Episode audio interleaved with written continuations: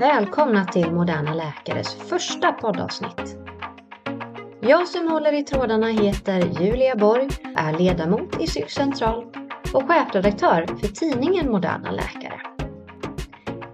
I det här avsnittet kommer vi att få veta mer om personerna bakom Akutläkarpodden, nämligen Hilda Hane, Arin Malkomian och Hani Rafik.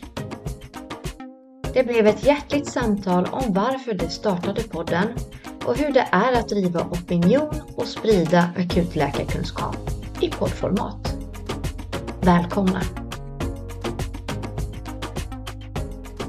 Hello! Hej Annie! Hej! Tja! Hej! Hej Julia! Du är i full gång hörde jag. Jo, Du jobbar. jag, jag har 30 minuter nu av garanterad, eller ja, garanterad kan jag säga, men eh, Jo, det är garanterat. Men om exakt 30 minuter kan, kan få han ett jobb.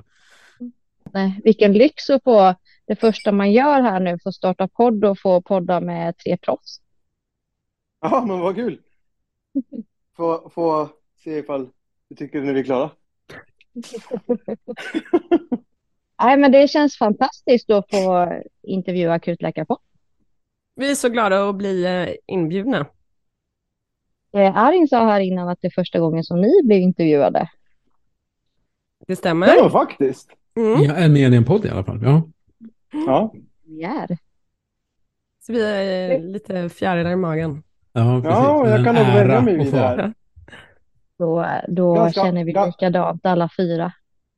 Ganska avslappnande att vi inte kommer på frågorna, utan vi kan bara komma med svaren. Tycker det är helt underbart. Men jag tänker, jag skulle vilja liksom höra mer om hur allt började och hur det är idag och vad ni är idag. Så kanske vi kan prata lite mer om hur det är att vara akutläkare så framåt. Ska jag börja med det? Både- Ja, ja, Ja, vi det, tar precis. Men jag för, tjatade lite på Arin, för vi satt ju båda i Svesems styrelse, jag var sekreterare, han var ordförande, så tjatade jag på honom som var så här, du och jag borde starta en podd, det känns ju modernt. För podd, nu är ju, jag läste häromdagen, det är ju tioårsjubileum för en podd som modern eh, koncept liksom. Och Arin bara, nej men gud vad ska vi prata om? Jag bara, akutsjukvård. Och, men du jag hakade liksom inte på den idén där direkt. Men så började vi eh, känna oss klara med styrelsearbetet. Och så tänkte vi så här, men vad ska vi göra istället? Och då hade vi också blivit lite utskällda av, eller inte utskällda, men vi hade fått ett tips. Vi hade ett möte med IVO angående överbelastade akutmottagningar och IVOs eh, generaldirektör Sofia Wallström. Hon var så här, men vad, vad vill ni nå ut med? Vad vill ni göra? Vad är, vad är, liksom, vad är er grej, er förening? Och, och hur vill ni, eh, ni måste fundera på hur ni ska nå ut till människor och förändra och vilket påverkansarbete ni vill göra. Mm. Och Och just det så- här, just do it. Just do it bara. Snacka inte om Varför, det. varför Gör ni och lite det. så här, varför, varför har vi möte här egentligen? Mm. Varför, vad gör ni egentligen? Så här. Och, och jag och Arin kände oss väldigt, väldigt små. Och så, men så lät vi det sjunka in lite. Och så tänkte vi, ja, vad ska vi göra? Vi måste lyfta akutsjukvård och akutsjukvårdens utmaningar och möjligheter. Och varför har vi hela tiden trott på akutsjukvård och att vi vill ha akutläkare som, som specialister på akutmottagningen. Och då tänkte vi, nej men vi måste stärka gruppen akutläkare och blivande akutläkare och också hela miljön med eh, vårt team med sjuksköterskor, undersköterskor, prehospital, larmfunktion. Vi, liksom, vi vill intervjua folk, vi vill samla oss och vi vill ha en, en mer tydlig grupp och där vi också lyfter hur vill vi ha det, vad är det som inte fungerar och, och så vidare. För vi har ju eh, lite normala forum som eh, konferenser och sånt, men det här var ju också mitt i covid-pandemin. Det var ju 2020. Så vi hade liksom ställt in konferens och det var, alla jobbade på på varsitt håll. Och då under den sommaren så, så var vi så här, nej, nu gör vi det, nu startar vi podd. Alltså, det, det är det som är sjuka. Jag kan fortfarande inte fatta. Vi pratar om det ibland. Att första halvåret så hade vi ett avsnitt i veckan. Alltså vi, vi var ju maniska. Jag sov, åt inte, gick ner i vikt. Alltså det var den här som vara nykär i någonting och någon. Och, och man bara, öste ut all energi på det här. Så jag kan fortfarande inte fatta hur vi fick till det att uh, liksom producera ett avsnitt i veckan. Det är sjukt. Vi- Just nu är det Mm. liksom var- ett avsnitt varannan vecka kan kännas jätte, jättejobbigt. Men då klarar du av det i sex månaders tid. Eh, så eh, jag vet inte hur vi gjorde det än idag. Nej. men sen så avtog det där och vi blev bara trötta och, till julen då, 2020. Och då tog vi beslut nästan samtidigt. Hör, Det börjar bli jobbigt det här. Det är inte lika kul längre. Och så, så fort vi tog beslutet om ett avsnitt varannan vecka så vart det bra igen. Vart det roligt. Och det har vi hållit på nu i två års tid med varannan vecka. Men det var ju Och- svårt och- att spela in, komma på, komma på Ja. ämne, hitta någon som ville vara med i podden, spela Mm. in, klippa och liksom produc- hela tiden producera och samtidigt ha jobb vid sidan av. Och allt det var ju nytt också, så det var ju liksom inlärningskurvan var ju enorm. Och Mm. man kan höra nästan på produktionsmässigt de första avsnitten fortfarande oförändrade, men hur det skiljer sig från de senaste avsnitten. Och hur vi var, lite mer maniska kanske, mycket, mycket mer laid back just nu. Tuffat på i några år och sen eh, kände vi att vi Jag behövde lite ny här länge. energi. Nej, jag kände det också. Nu, nu, liksom, nu sitter han och så, tuggar på händerna. ja, och så fick, nu ska vi se, när fick jag komma eh, genom den gyllene porten? Det var väl ungefär i september? Det var väl den här Ja, det terminen var som var. Då var det igen så, lite så planläggning under sommaren. Och, Ja, det var ju, nu ska vi se, jag var i Sydafrika och innan Sydafrika spelade vi in ett avsnitt och sen när jag åkte dit spelade vi in två avsnitt. Och så, alltså det, så här, egentligen så skulle jag få komma hem till Sverige typ i juni och så skulle, så eh, hade ni ju först planerat någon form av så här, men hur ni ska reveal att jag ska få vara med i podden och sen så bara någon kväll efter jobbet så står det så här, Hanni du ska vara med i vår podd. Jag bara, va? De bara, nej men du ska vara med. Och så skriver Hilda tror jag, så, men Arin, du, vi skulle ju spara på det och vänta. Arin bara, jag kunde inte hålla mig. Nej. Och sen så var det min tur att inte kunna sova på flera veckor. Eh, och det var ju askul. Och eh, en fantastisk, fantastisk eh, ära. Ehm, ja, så nu är jag här och de blir inte av med mig. Och hur kom du in i bilden, Hanni? Liksom blev du, det låter nästan som att du blev tvångskommenderad. Alltså jag, jag skulle väl inte kunna säga eh, att jag blev det så här när vi spelar in. Jag eh, nej, det blev jag absolut inte. Det var ju allt, alltså. Det började, jag och Arin har ju jobbat ihop under mina första år som läkare. Och sen så eh, fick ju, jag och Hilda blev ju också vänner där genom Arin. Ehm, vi lägger till att Hani och Hilda har aldrig träffats på riktigt Nej, än. det är två års vänskap och vi har fortfarande inte kramat varandra. Ehm, men det är en stark vänskap. Det är ett band från Stockholm till Norge. Ehm, och sen så, vi har alltid diskuterat akutsjukvård. Vi har en liten chatt ihop. Och så, eh, jag vet inte. Det blev väl liksom så att vi tre hade en chatt om lite allt möjligt och diskuterade lite allt möjligt. Och sen så skulle vi ha ett första avsnitt där jag skulle vara med. Och så började vi skriva i den chatten och sen så Sen så började Arin och Hilda skriva mer och mer om chatten, eller om podden i den chatten. Och så blev jag mer och mer inkluderad i de diskussionerna. ja, så kanske det var. Och så blev det Vi bara, ganska vad, vad ska vi naturligt tror jag. skriva och vad ska vi göra för avsnitt? Hanni, Ja, vad ska vi göra det, för det, avsnitt? det blev liksom vi tre och sen så eh, blev det, ja, men det kom bara naturligt tror jag. Ja. Ehm, och det kändes väldigt naturligt när de bad mig att vara med. Det var liksom, då hade vi ändå spelat in tre avsnitt. Så jag fick lära, eller så jag fick veta vem du var. För du, hade skri, du skrev lite dikter och det lades ut på SÖS akutenkonto. Var det inte lite så? Och då, Ja. och då, Ja. och då visade Arin det, så var det så här, jag känner honom. Så att det var liksom så här, det är så här kändisen, jag känner honom. Mm. Då fick jag reda på vem du var. Men var det svårt att starta igång på den? Nej, inte när vi väl hade bestämt oss. Nej, och, och tanken var att vi skulle starta podden efter vi hade slutat eh, i Svesems styrelse. Men precis som jag inte kunde hålla mig med Hani och berätta så kunde vi inte hålla med oss med att inte börja. Så vi skulle börja redan eh, mars 20. Eh, men nu, eller vad blir det? Nej. Vi började ett halvår innan. Vi började ett halvår tidigare för att vi kunde inte hålla oss helt enkelt. För vi började podda. Men vi började i september. Vi började i september och vi hade inte tänkt att börja podda förrän Ja, 21. Ja, Ja. 21 då. mars 21. Uh, mm. Men vi kunde inte hålla oss och började. Och det var ju liksom, det var en uppförsbacke, som med allting nytt. Var, var, var lägger man upp podden? hur gör man? Vad behöver man för ja. material? Allt sånt där. Hur klipper man? Så det var ju väldigt mycket sitta och läsa in och lära sig med allt det där och att testa. För jag ja, vi klippte de första avsnitten, klippte vi, nu, hör på detta, vi klippte dem var för sig, lyssnade på varandras versioner, kom med feedback, klippte om. Det, det, det, det, det tog sån tid. Nej, nej, till det... slut jag bara, nej det här går inte. Det är bättre, Arin, det är bättre att du bara klipper. Jag litar på dig. Ja. Mm. Men vi vill liksom se att tar vi in samma delar.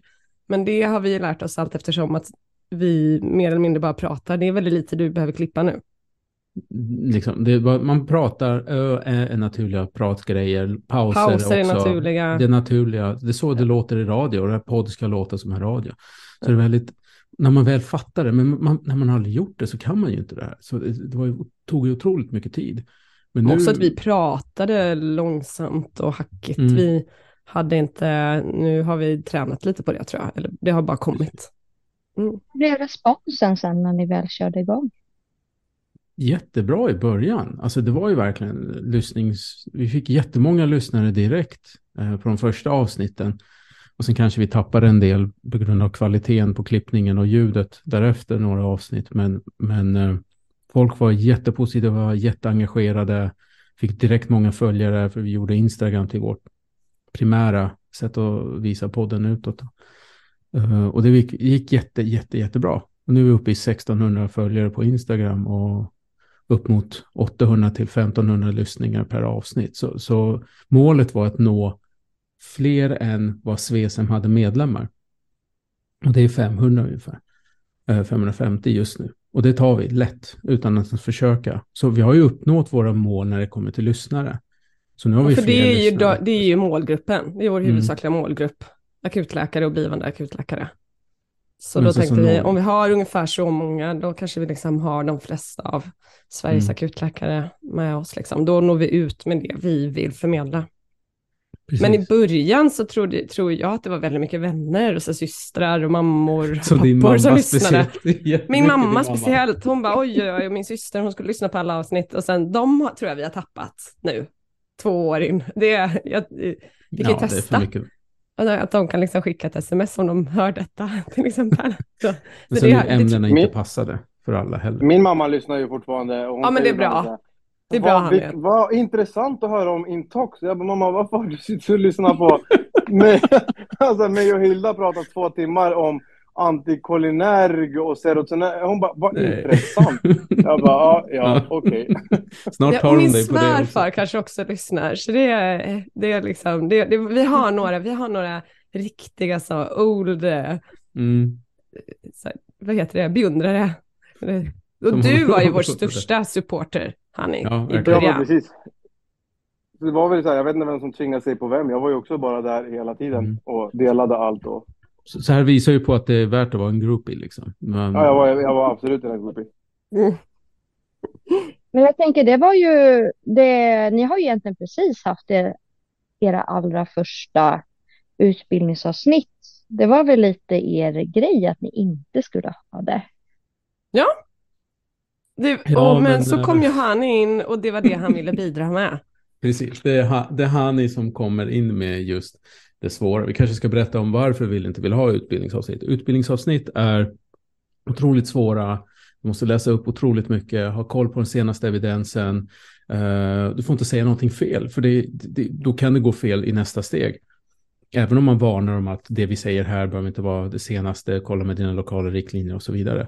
Så det är både otroligt tidskrävande, jobbigt och kan potentiellt vara farligt om man gör fel. Och då tänkte jag, det har vi inte vi tid med, eh, i och med att vi har våra jobb och familjer och allt sånt där. Men i och med att han är kommit in så är han energin i den, då, då så. Då behöver vi inte fokusera på allting annat, för det sköter vi och då kan han liksom kanske fokusera på det.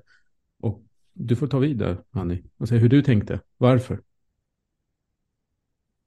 Ja, men det var väl jag som kände att delvis så uh, tycker jag att det saknas i akutläkare Sverige allmänt. Det finns ju mycket internationella källor att hämta lite här och var. Uh, men det fanns inget samlat um, men, så utbildningsavsnitt på, av den karaktären, så utbildningsinsatser eh, av, den, av den karaktären, tycker jag. Um, det kändes relevant framför allt. Och jag kände lite så här, men vad hade jag... Eh, under min ST nu som snart är klar så har jag väldigt många gånger liksom gått in och lyssnat på diverse poddar internationellt på diverse språk. Det känns att det skulle ju vara nice ifall vi hade vissa ämnen som fanns på svenska för att eh, nu är vi så pass många akutläkare att vi faktiskt behöver um, samlad information. Och det, är ju, det finns ju massa texter, det finns massa uh, skrifter på svenska nu, men det finns inga pods för akutläkare. Och då tyckte jag, då ska vi vara först och vi ska vara bäst. Uh, och sen så som Arin säger, det är ju mycket arbete och det, det krävs ju en del, men uh, ja, ihop, vi har ju liksom fått till det ihop tycker jag. Mm. Ja, så vi prövar oss fram och ser vad vi får till här helt enkelt. Men så har vi haft, vi har ju haft en del undervisning. Vi har ju vissa experter som kommer och vi snackat HLR, framförallt HLR och neonatal, neonatal, neonatal resuscitering. Alltså sådana delar och det, det är ju också undervisning. Alltså varför gör vi på ett visst sätt och hur kan man tänka i de situationerna och vad, hur gör vi diagnostik kring det enklare och så. Så det, så det har ju funnits med, men eh, mer utifrån en, att vi plockat in någon expert då som får hjälpa oss att diskutera det. Mm. Det har väl lite med att göra att, så här, som Hilda sa innan, vi, eller ni, skapade ju podden för att det var det som det behövdes en röst för akutläkare i Sverige. Och då har ju vi varit ganska anpassningsbara allt eftersom. Med så här, men vad behövs just nu?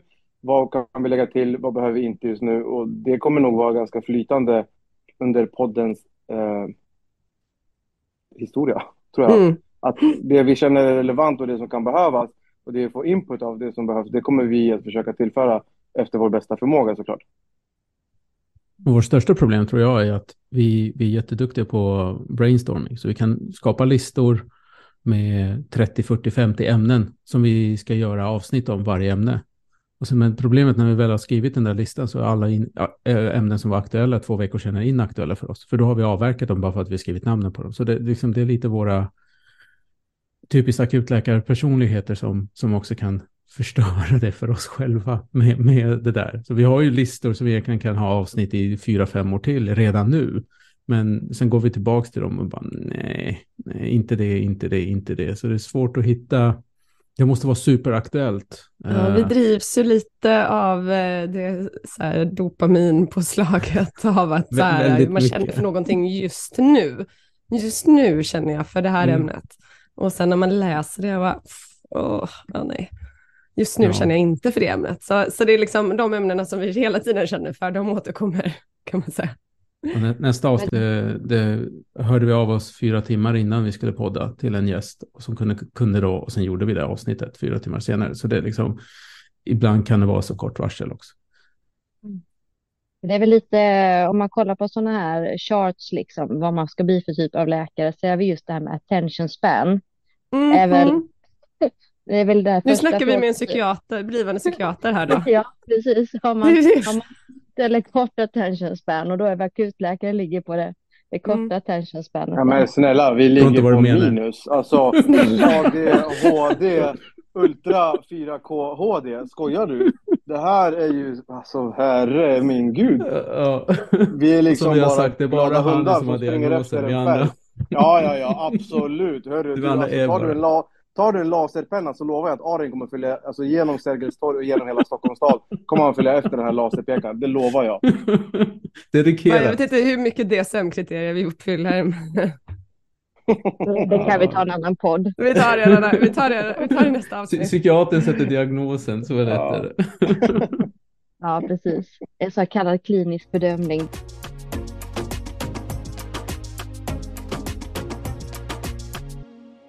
Har ni märkt att podden har gjort liksom någon skillnad bland det akutläkarkollektivet? Den kan jag ta till att börja med. Då.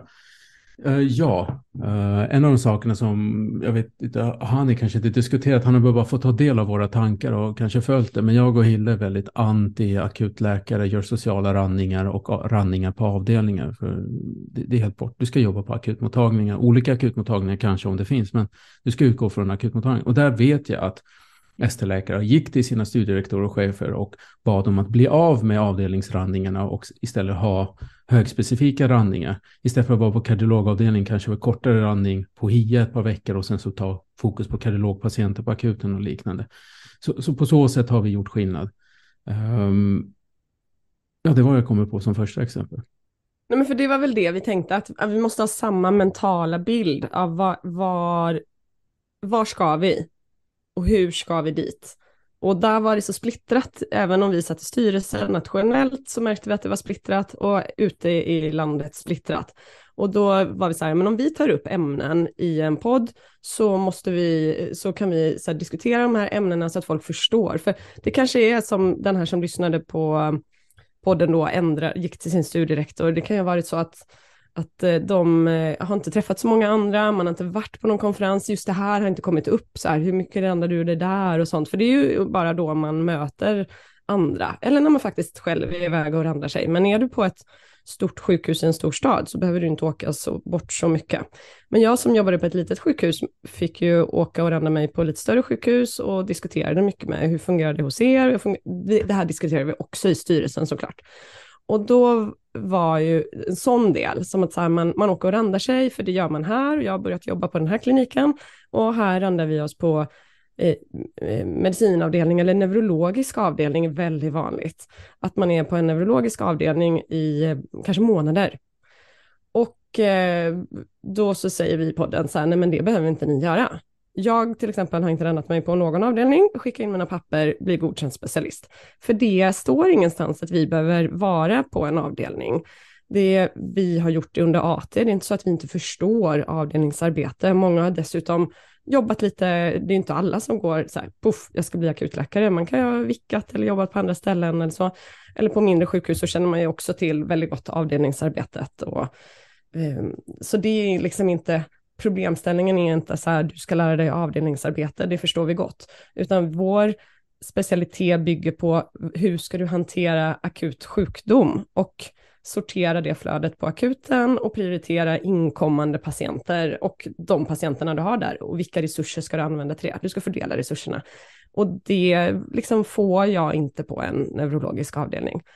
Om jag får se akuta neurologiska patienter, bra men inte liksom så här följa upp dem på avdelningen sen. Det, det liksom ger inte specialiteten så mycket.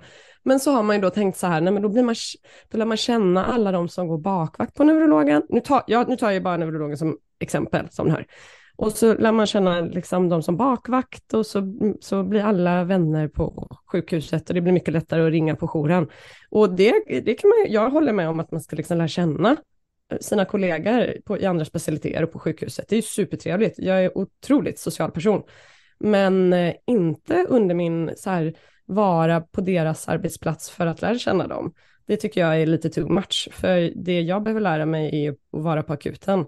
För det här gäller ju inte andra specialiteter. Det är inte så att de blir satta på akuten för att lära känna akutläkarna, utan de, har sina, de som har placeringar på akuten har ju det för ett specifikt mål som de ska uppfylla. Och det är så det fungerar, att vi ska ha måluppfyllelse inom våra specialiseringar. Så gott är det. Så, så det att inspirera andra till att så här, nej det här, det här tycker vi är rent fel. Vi, eh, vi ser att det görs, vi tycker inte att det fungerar och jag tycker att man ska ta upp det till diskussion. Och så får man ju göra det då. På vissa sjukhus kanske man eh, slutar med sådana sociala landningar som vi kallar det, på andra kanske man minskar dem eller så, men att det i vart fall blir en levande diskussion och inte bara någonting som man accepterar. Men sen så hade vi också ett eh, lite fokus på mer forskning, så här hur forskar vi, hur tänker man kring forskning? Och hade med Daniel och Jens i podden från Linköping som eh, också sitter i, eh, i Svesems forskningsutskott. Och, då, och det hade vi under en period och det var inte särskilt mycket lyssnare på de avsnitten. Men vi fick ändå feedback. Vi fick folk, det var lyssnare som hörde av sig och sa, åh gud det här är så bra, jag vill så gärna, jag blir så inspirerad till att börja forska. Det var några som sa det. Och då kände jag, det här är otroligt värt. Jag kan fortsätta med det här om det är så att det är fler som börjar forska. För vi behöver fler som forskar inom akutsjukvård. Och vi behöver, det är jättemycket vi gör som inte är evidensbaserat, så hur kan vi liksom göra de delarna bättre? Och eh, det, det tyckte jag var jättekul när någon hör av sig, jag har blivit inspirerad och vill ha kontaktuppgifter för att eh, just liksom vi, ja, det var vi som inspirerade till det helt enkelt. Och också lägga upp då kontaktnät. Det är, mm, det är lite också syftet, att vi lyfter människor som jobbar med akutsjukvård i Sverige, så att folk vet vilka de är och man känner så här, nej men jag vill jättegärna till Lund och, och testa hur de har det där. De har ganska utvecklat akutläkarsystem. Då kanske man kan höra av sig till dem som vi haft med i podden, till exempel. Så, så det är det, forskning och ja, inspirera det, det till att ändra sina ranningar. Vad tänker du mer på? Det, det, det var just det du sa, att det, det inte alltid handlar om uh, lyssnarsiffrorna. För det är ju forskaravsnitten som vi, jag tyckte var de mer intressanta då. Uh, och hade ju de lägsta lyssnarsiffrorna, men det gjorde skillnad. Men sen så har vi haft till exempel mer organdonationsavsnittet och uh, regnbågsblod. De var också inte så många lyssnare på, men de, de var ju otroligt viktiga saker som folk lärde sig om och gjorde skillnad. Och förhoppningsvis var det många som skrev upp sig och blev organdonatorer efter det avsnittet och eh, mm. kanske började inse att det finns sätt att lobba för homosexuella män ska få ge blod också.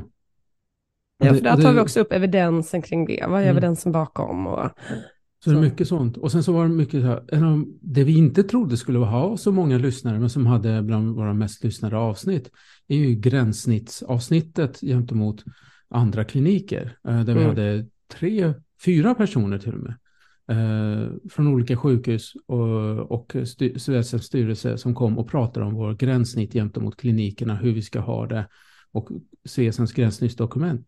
Jag blev chockad att det så, ja, inom situationstecken tråkigt avsnitt allmänt skulle lyssnas av så många, men då väckte intresset på ett annat sätt. Så jag, jag, tycker än idag inte vet vilka avsnitt som kommer slå igenom och vilka avsnitt som kommer inspirera eller inte. Men vi har bara insett att nej, vi gör saker som vi tycker om. Vi vet att vi kan ex, eh, akutsjukvård, vi är experter och på något sätt så inspirerar vi eller förändrar vi eller lär vi folk någonting med våra avsnitt. Även om de kanske inte lyssnar så, så många så gör vi skillnad för de som lyssnar. Och det, mm. men, men det är kul och, när man får den feedbacken. Att, att vi gör den skillnaden. Det är jätte, jättekul. Och vi försöker få feedback från folk. Men folk är så svenska. Tysta. tysta och skriver aldrig. Ja, för så, så är det ju. Alltså, vi kan ju täppa peppen lite och bara, varför gör vi det här liksom? Och, då, och så får man någon som skickar så här, det här var så bra, så viktigt att ni tog upp det och tack för att ni gjorde det och nu kan jag tänka på ett annat sätt kring detta och så. Då är vi så här, då, då blir det ett år till. Ett år till med podden. Hilda Genast. hade målet, eh, vad var det, ett år från början va? Ett år, uh, ja men det var vad vi sa. Mm. Mm. Inte Eller så inte vad vi sa, med. men vi var så här, kommer vi klara det här? Ja, men vi, vi satsar på ett år. Mm. Vi får ut det vi vill göra nu, det vi känner för nu och liksom samla lite historia bakom hur startade akutsjukvårdens resa Just genom skapa Sverige. skapa de här intervjuerna med de här mm. första akutläkarna och bevara historia. För att jag var typ den sista generationen som kände till dem och folk efter mig vet inte mm. de stora namnen. Och då, men då samlar vi dem så finns de, man kan peka, lyssna på det avsnittet så får du veta vem det är.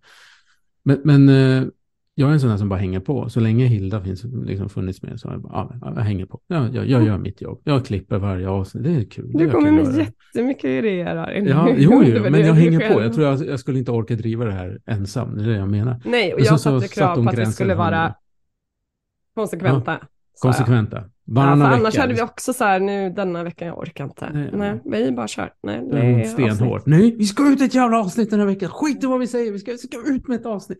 Och jag är ju inte konsekvent med något annat i hela mitt liv, liksom. så det är väldigt udda att jag är det nu. vad, hände? Ja, det, här är hon stenhård med. Ja, och det tycker jag är jättehärligt. Men hundra avsnitt sa hon för något år sedan. Um, nu är vi uppe i 60 och insåg att vi hade knappt 20 avsnitt år 2022.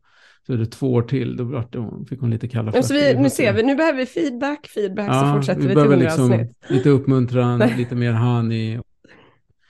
Vi har pratat om det lite, jag och Hilda, senaste veckorna, att jag tror vi ibland glömmer eller inte förstår, uh, på grund av att vi har lite så här imposter syndrom, att, att, att vi har en liten makt, vi är en liten maktfaktor i akutläkar Sverige. Att vi påverkar mer än vi tror att vi gör. Men vi vet ju ingenting eftersom vi inte får den här feedbacken. Vi, enstaka vänner, kollegor som vi känner väl, som säger att ah, det här gjorde jag för att du gjorde det. Tack för det här avsnittet. Nu ska jag tänka på det. det är liksom, vi baserar saker och ting på två, tre personer ibland säger någonting, kanske. Och, och då får vi inte det här känslan av att vi faktiskt alltid gör skillnad eller att vi är en maktfaktor i akutläkar Sverige. Men, men ibland får vi det ändå. Och det är, det är en svår balans. Är vi det, ska vi vara försiktiga med vad vi säger eller inte?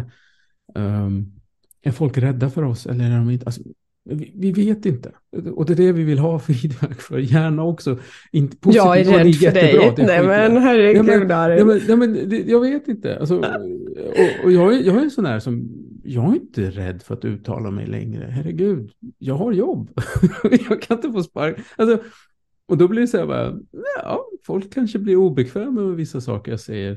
Uh, nej men, alltså, det, det, grejen är att vi vill inte ha ryggdunkning. Det, det, vet vi att vi gör någonting bra, vi gör skillnad. Det ser vi på lyssnarsiffrorna. Men däremot vill vi veta, vad vill du höra? Vad vi, kan vi göra för skillnad?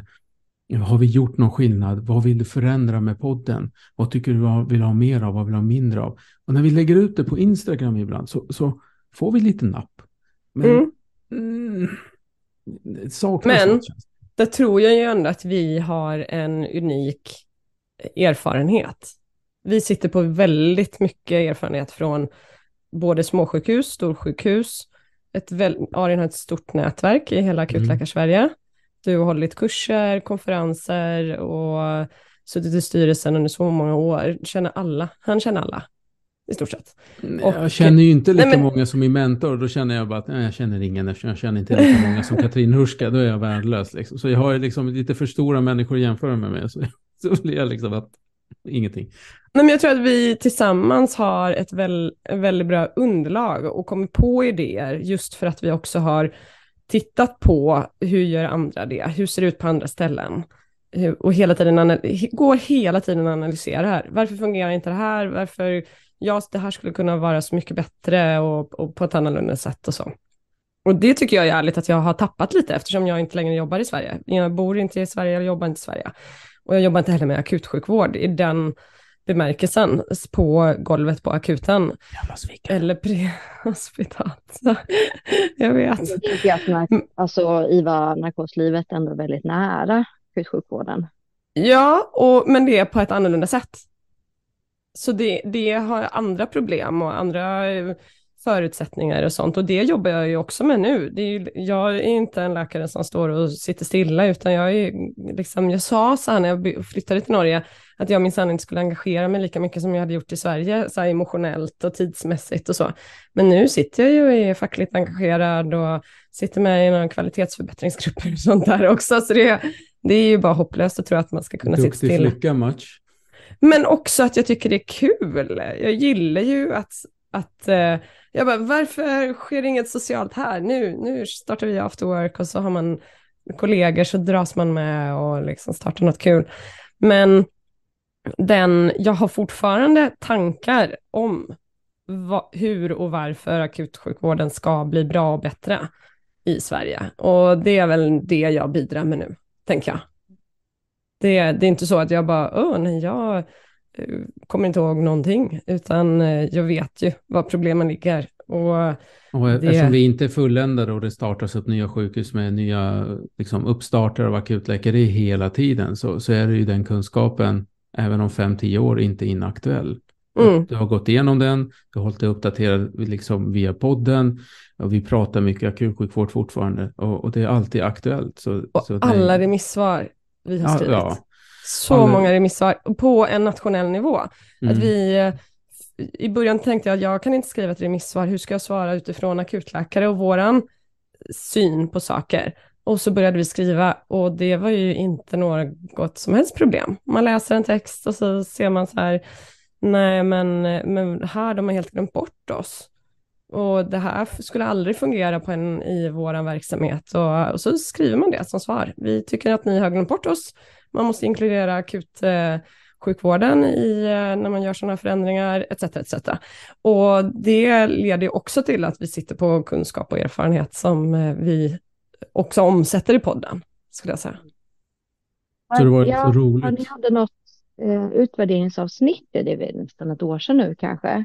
Där sa ni att ni hade tänkt att ni skulle göra det här i ungefär ett år och sen lämna över. Varför blev det inte så? Vi fick hybris. Vi fick hybris. Nej, men det är ju också så här, någonting som har insetts nu senaste året, att förutom att sätta stämpel på oss att vi är genuina experter på akutsjukvård, för att vi har hållit på, precis som Hilda sa, med allt det där på nationell nivå, på lokal nivå, drivit det, eh, Hilda i Kiruna och jag på småställen här och där. Och det är också att vi är doers. Och innan oss fanns det ingen podd. Vi startade en podd. Det har varit mycket snack. Runt omkring har man hört i periferin att folk kanske ska vilja göra eller vara med på ett avsnitt. Och, så där. och sen bara, ja men visst. Och sen bara, händer ingenting. Och, alltså, det, jag tror det där att folk vill mycket men har inte tid. Oftast, som med allting annat.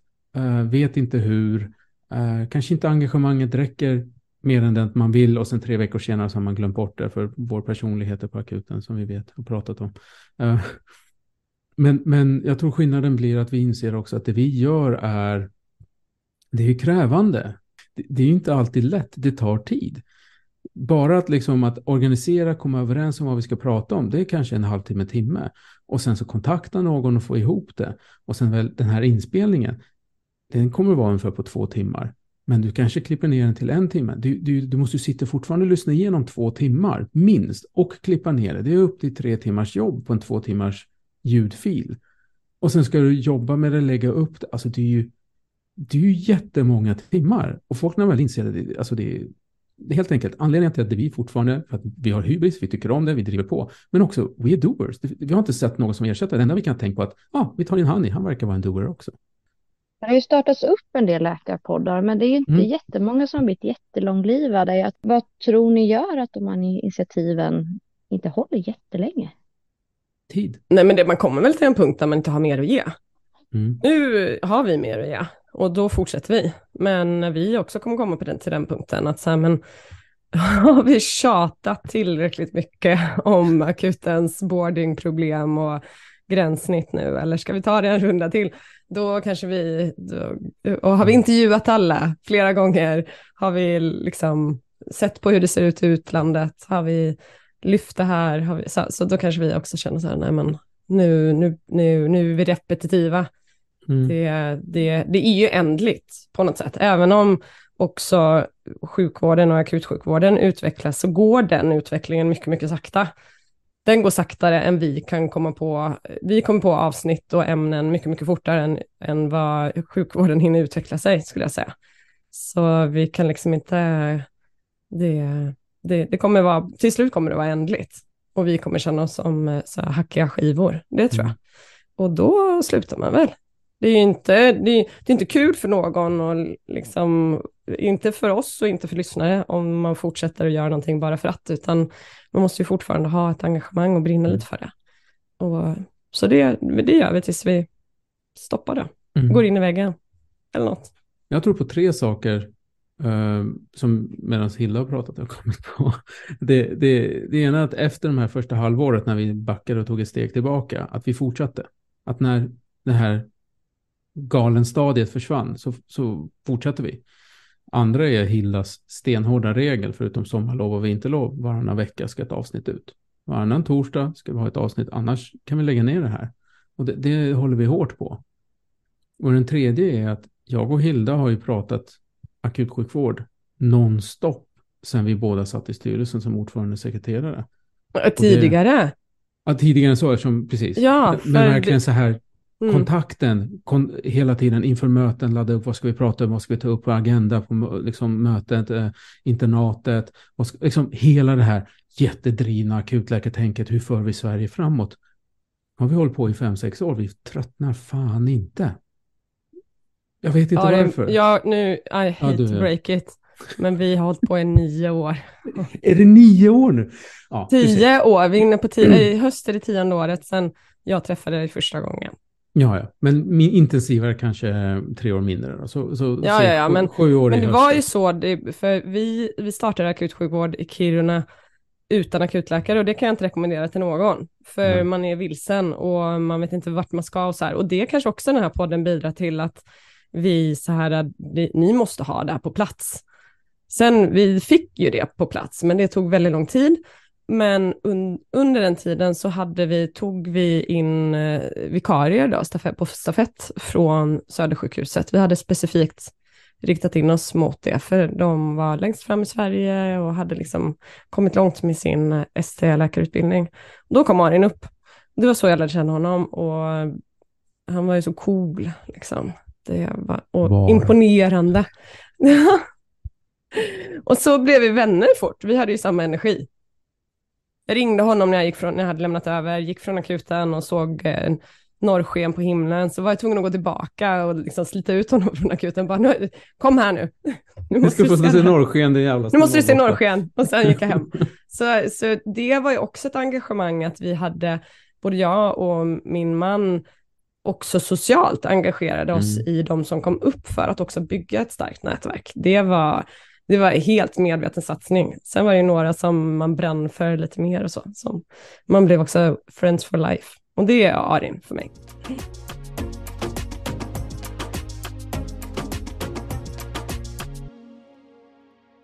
Hilda, hur kommer det sig att du liksom lämnade akutläkeriet? För där hade min låga slocknat. Det, var, det drevs mycket av konflikter internt på arbetsplatsen men också ut mot andra specialiteter. Och det fanns ingen tydlig vision var vi skulle. Och det, det hade jag eh, tjatat om så länge, för jag hade ju en vision. Jag hade en vision från det att jag startade. Jag var den första akutläkaren som började i Kiruna. Och jag visste exakt vart jag tänkte att vi skulle. Och eh, så eh, fick jag väl inte med alla på det. Och eh, då blev det splittringar och fungerade inte. Och sen när jag kände att det går för långsamt. Den här eh, utvecklingen går för långsamt och jag kommer behöva lägga 20 år till på det. Nej, det vet jag inte. Men jag kände, nu har jag, jag har gett otroligt mycket tid, energi.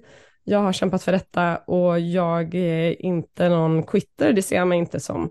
Jag blev färdig akutläkare, men jag tänkte min, mitt bidrag här är färdigt. Och eh, så får eh, de fortsätta utveckla det och så får jag hitta på någonting annat, helt enkelt. Och då visste jag väl ännu inte vad jag skulle, men jag hade ju alltid anestesi eh, i bakhuvudet. Det var, det, jag, för mig har det alltid stått mellan anestesi eller akutsjukvård. Jag var i USA sista terminen på, eh, på läkarutbildningen och då var jag en månad på anestesi och en månad på barnakuten och fick liksom se det amerikanska systemet för akutsjukvård och det är ju det som är drömmen, såklart. Så, och det är också två specialiteter som jag tycker fungerar väldigt bra på olika sätt. Det, och, mm, så då så ville vi lite till Norge, både jag och min man. Så då, då var det det naturliga steget att ta. Det var rätt i tiden. Sen kan jag ju känna att det är jävligt tufft att göra två specialiseringar. Det är det. Tiden, kurserna och engagemanget. Man hade kanske också bara velat jobba lite. Så. Men, det är, men man lär sig av allt. Mm. Någon gång blir jag färdig med det här. Varit, Hilda har verkligen varit hjälte i den här podden med att liksom trebarnsmorsa, jourer konstant och klämma in en jävla podd med mig. Liksom. Det är jag som är lallaren, specialisten, överläkaren som har det lugnt på jobbet nu för tiden. Men hon är ST-läkare igen. Och det är liksom, man, man får inga, no break som ST-läkare. Du ska, bara, du ska ta dina jourer, du ska jobba, gå dina kurser, du ska plugga innan på egen tid. Så hon gör ju det här medans. Det är verkligen en, en awesomeness som jag inte Mm. förstår varför de gör det. Det är ju Hilda också. Men om, om vi ska liksom grotta ner oss lite i aku- akutsjukvården så det är ändå en förhållandevis ny specialitet. Innan liksom akutläkeriet har slagit igenom, ni är en egen klinik, ni är inte en akutmottagning, Och, och det, det är inte liksom underläkarna, de mest oerfarna underläkarna som står där, utan det är specialister som, som tar emot patienter. Hur lång tid kommer det ta innan det är Sverige? Det kommer ta jättelång tid. Mm. För att vi också tappar folk på vägen, precis som jag slutar. Mm. För att det går för långsamt eller är otydligt. Och det, och det är många som lämnar av den anledningen. Och det är, känner jag är en jättestor sorg, fast jag har gjort det själv. Då. Men det som är ett problem, som jag ser det, det är att man, man startar upp det som ett projekt. Vi ska ha akutläkare. Det kan vara ett politiskt beslut eller ett lokalt beslut. Och har man eh, ett eh, politiskt beslut eller ett sjukhusledningsbeslut så har man kanske lite större mandat då, gentemot många andra kliniker. Det är det vi snackar gränssnitt och så. Men är det ett lokalt beslut eller några så här eldsjälar som startar upp, då kan man ha lite mer av en motbacka och försöka liksom övertyga varför det skulle vara en sån, varför det är en bra idé. Um, och det som tar lång tid sen, det tror jag är att man börjar småskaligt.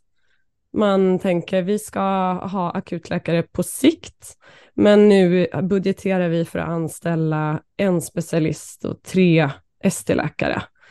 Och så börjar man så och så är det ingen av dem som, om eh, specialisten kommer kanske från något annat ställe då, kan, och kan man hoppas har en liksom eh, riktig så, riktig eh, också lite nedlåtande, men har en akutläkarmentalitet. Det är också en del av vår podd, att så här, känna så här, okej, okay, vi ska hit.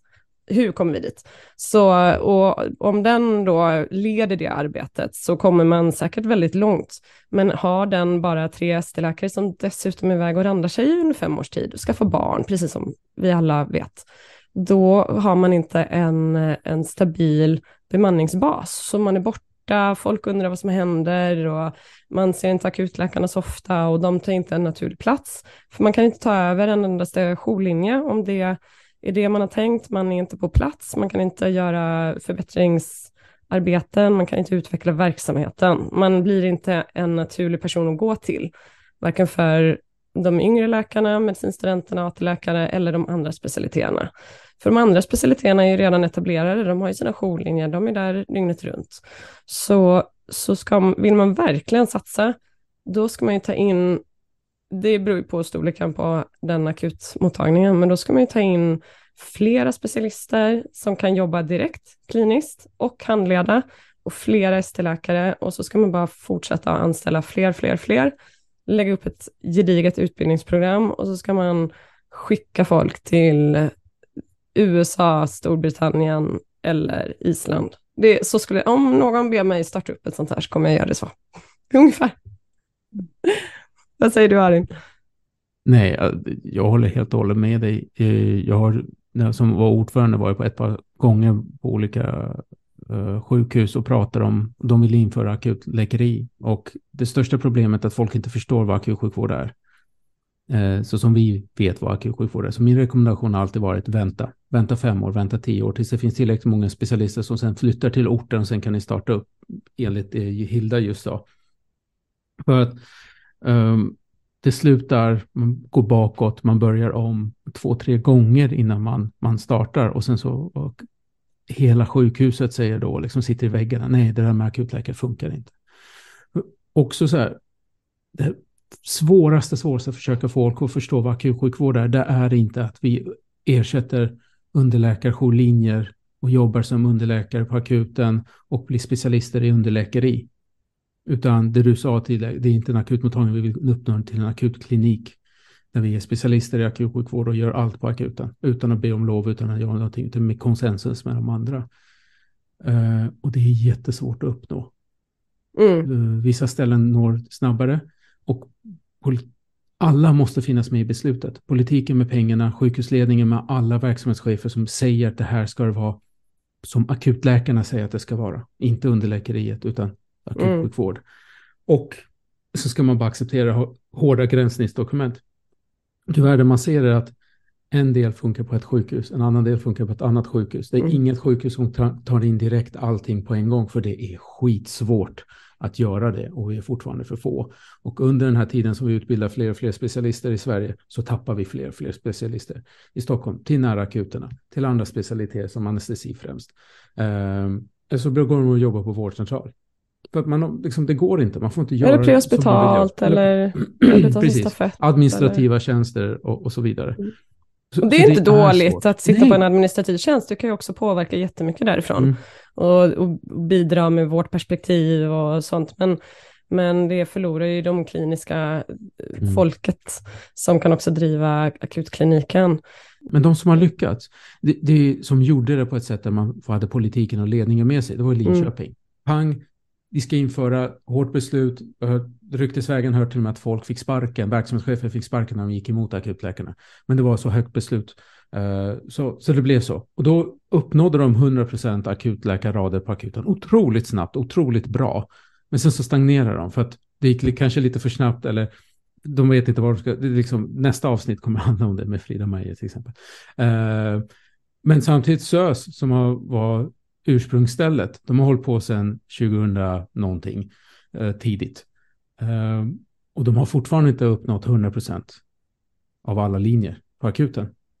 Mm. Och de kämpar fortfarande. De har till och med tagit tillbaka några andra jourer. Alltså hjärtstoppen får akutläkarna inte gå på längre. Så bara, va? Vad händer nu?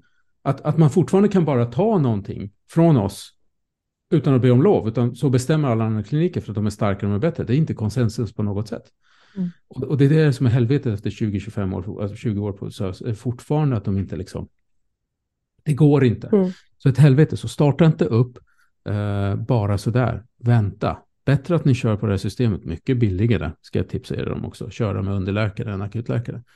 Eh, men gör Nej, men så handlar det ju också om, om så, som vi sa, att eh, om du inte har tillräckligt, eh, om alla är, ligger på olika, i olika nivåer av sin utbildning, så kan du inte heller ändra ett system.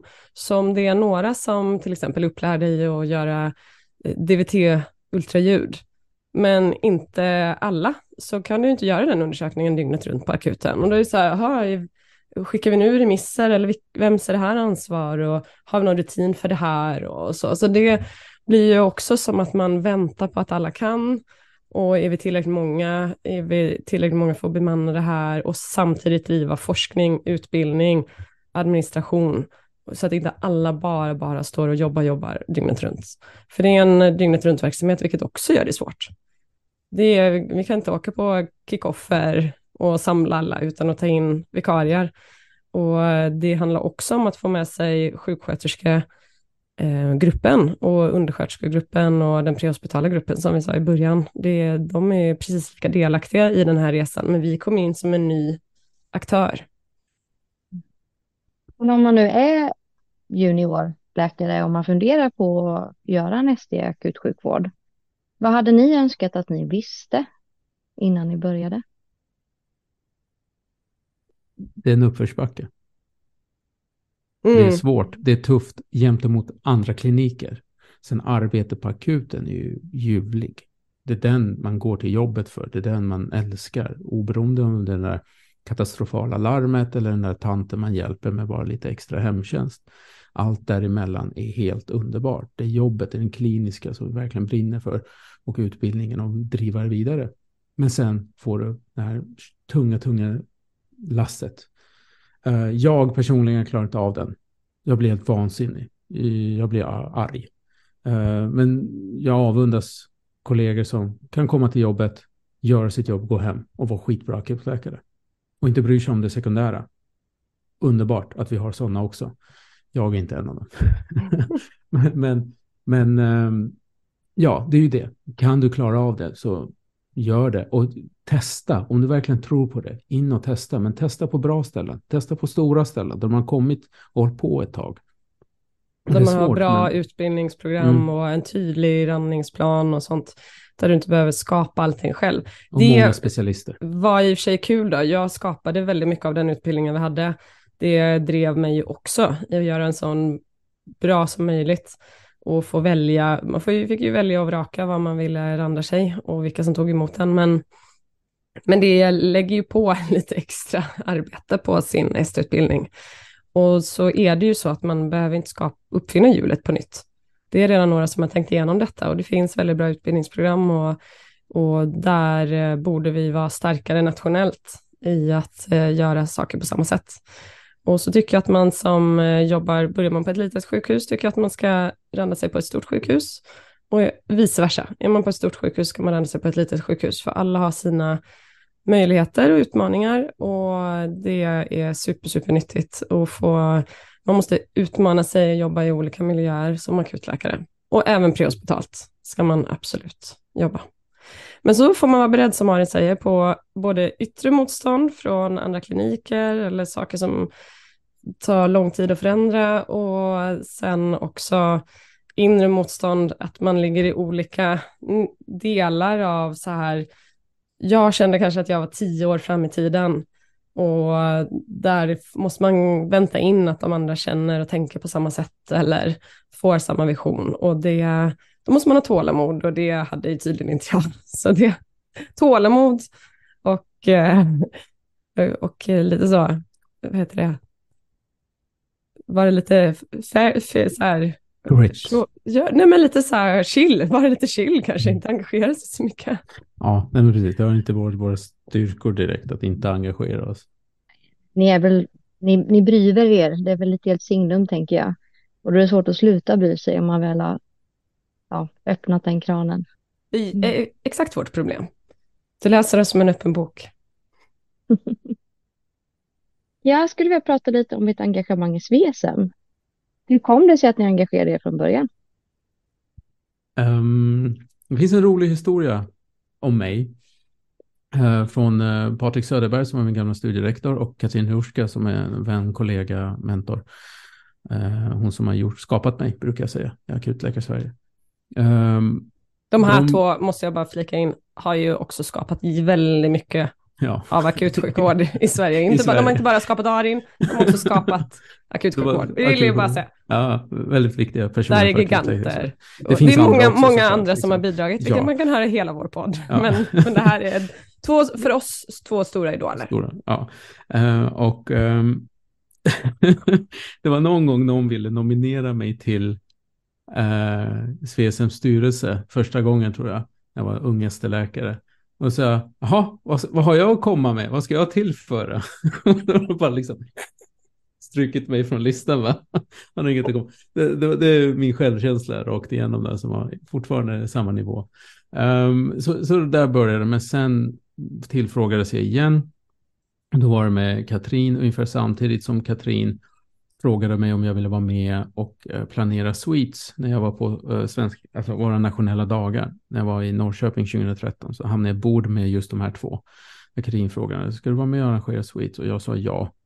Och sen gjorde jag det och sen så nominerades i och med det till eh, styrelsen. Så 2014 kom jag in i styrelsen som ledamot då. Ehm, och eh, Katrin Svans eh, välkänd som det internationellt också. Eh, när folk frågar, alla vet vem internationellt akutläkare vet vem Katrin är. Eh, och sen när man frågar Arin, jag bara, Arin? Ja, yeah. snubben som står bakom Katrin. Ah, han, Arin! Så liksom, jag är välkänd internationellt för snubben som alltid stod bakom Katrin och följde henne överallt. Eh, hon har skapat mig helt enkelt. Så, svår, så på så sätt kom jag in i att uh, arrangera konferenser i sju års tid och sitta i styrelsen lika länge. Allt är värt det. Att engagera sig är värt det och eh, att kasta sig ut i okända saker är värt det. Man lär sig oerhört mycket och man måste bara våga göra lite. Man måste våga misslyckas också. Är, allt vi gör är inte bra. Nu sitter vi och har någon sorts skrytpodd här, men eh, det är Gud, nej. långt ifrån allt vi gör är bra. Jag har eh, ångest ibland, varför sa jag så, varför gjorde jag så? Och, eh, men jag har också accepterat att eh, det, det, det liksom, det, jag får tycka och tänka lite som jag vill och jag får uttala mig som jag vill. Det, jag hoppas inte jag trampar för många folk på tårna, men eh, jag, jag måste också få, få tänka och tycka som en person. Och så försöker jag landa lite i det. Men jag lär mig väldigt mycket om mig själv av att eh, driva de här delarna. Och konflikthantering och andra saker. Det. Hon har blivit jättevass på konflikthantering. Hon har blivit Har jag så det? hård. Du har blivit så hård med åren. Du Har kanske jag var det? mer, mer duckande förut, men nu är det liksom... Men jag också lite vågar något, då skickar jag fram Hilda där. På dem bara. Så, så mycket bättre. Jag är Ja. definitivt sämst på konflikthantering fortfarande. Nej men du, eh, du kunde ju se mig liksom bara förvandlas till en pitbull ibland Jag och sånt. var Nej. tvungen att hålla kopplet och Ja. dra tillbaka. Nej, men och så är det, det är väl eh, exakt det som handlar om att engagera sig. Man driver saker man brinner för och det är oundvikligt att inte visa känslor. Och man eh, vinner inte alla diskussioner, man vinner inte alla slag heller. Och det kan man inte göra, det bör man inte göra. Men det är en demokrati och liksom demokratiska processer måste få ha sin gång. Och då är det genom att diskutera och våga vara oeniga. Det är jätteviktigt. Mm, faktiskt. Så det har jag Jätteviktigt. lärt mig under de här åren. Mm, Men jag är stolt över det vi tog fram och det vi gjorde. Det är helt klart. väldigt. Och då gjorde vi det som hela styrelsen, men jag och Mm. Arin, vi hade ett otroligt nära samarbete. Vilket vi såklart också har blivit kritiserade för. För att det blir ju lite som att vi, vi brainstormade idéer och hade förslag på saker och så kände alla så här, vad, vad händer nu liksom? Men, Mm. men det var vårt sätt att skapa och det, liksom, alla idéer fastnade inte, det är också fine. Men, men mycket gjorde det och mycket av arbetet gjorde vi också själva. Och då, liksom, bara vi hade support i de frågorna så körde vi på. Skrev jag skrev debattartiklar på nattåget tillbaka hem till Kiruna och sånt. Mm.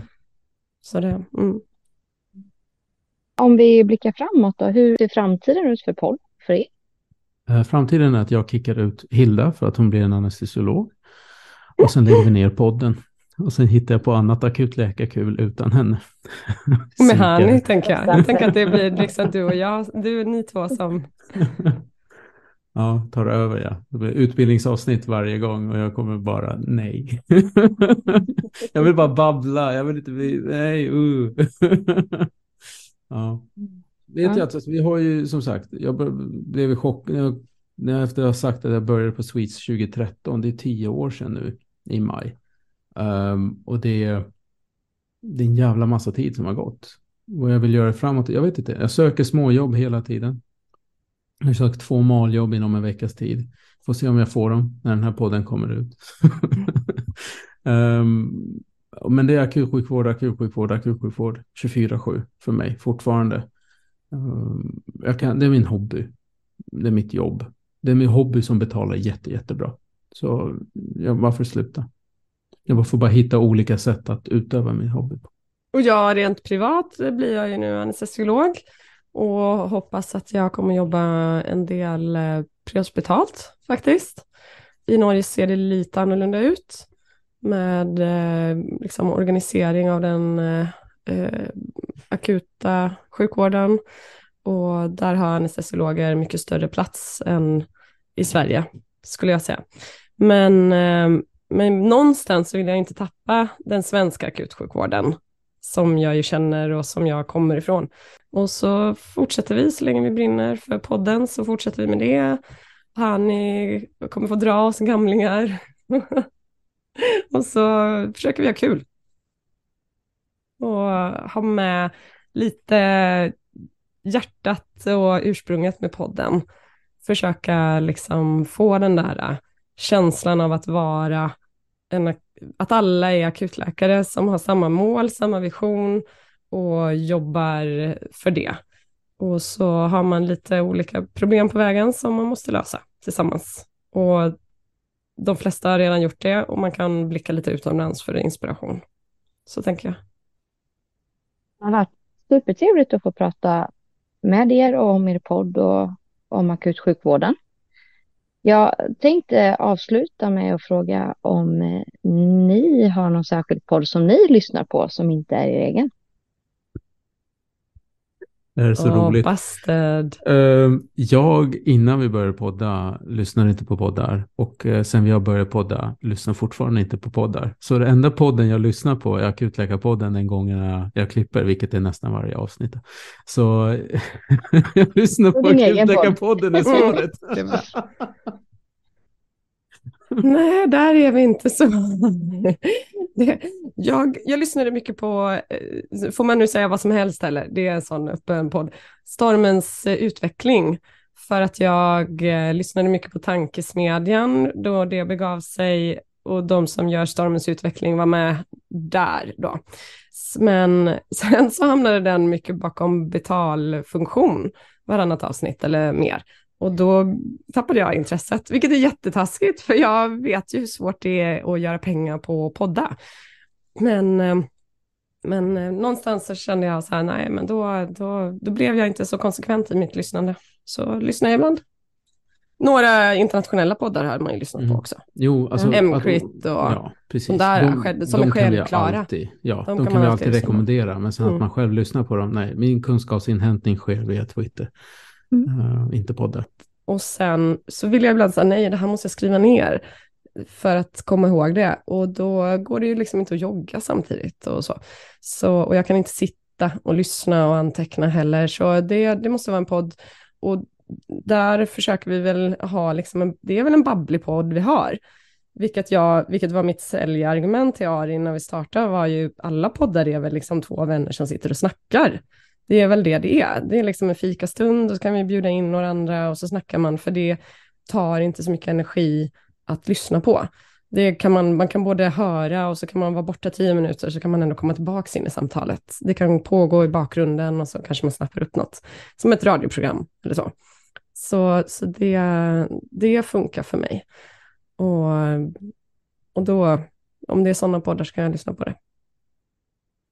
Har du ska några idéer? Har du några förslag? Ja, alltså jag, är- jag tycker ju om sånt som är kul. Så jag, jag, min absoluta favoritpodd är Flashback Forever. Mamma, Mm. ska jag pröva det? Den har jag hört talas om. Mm.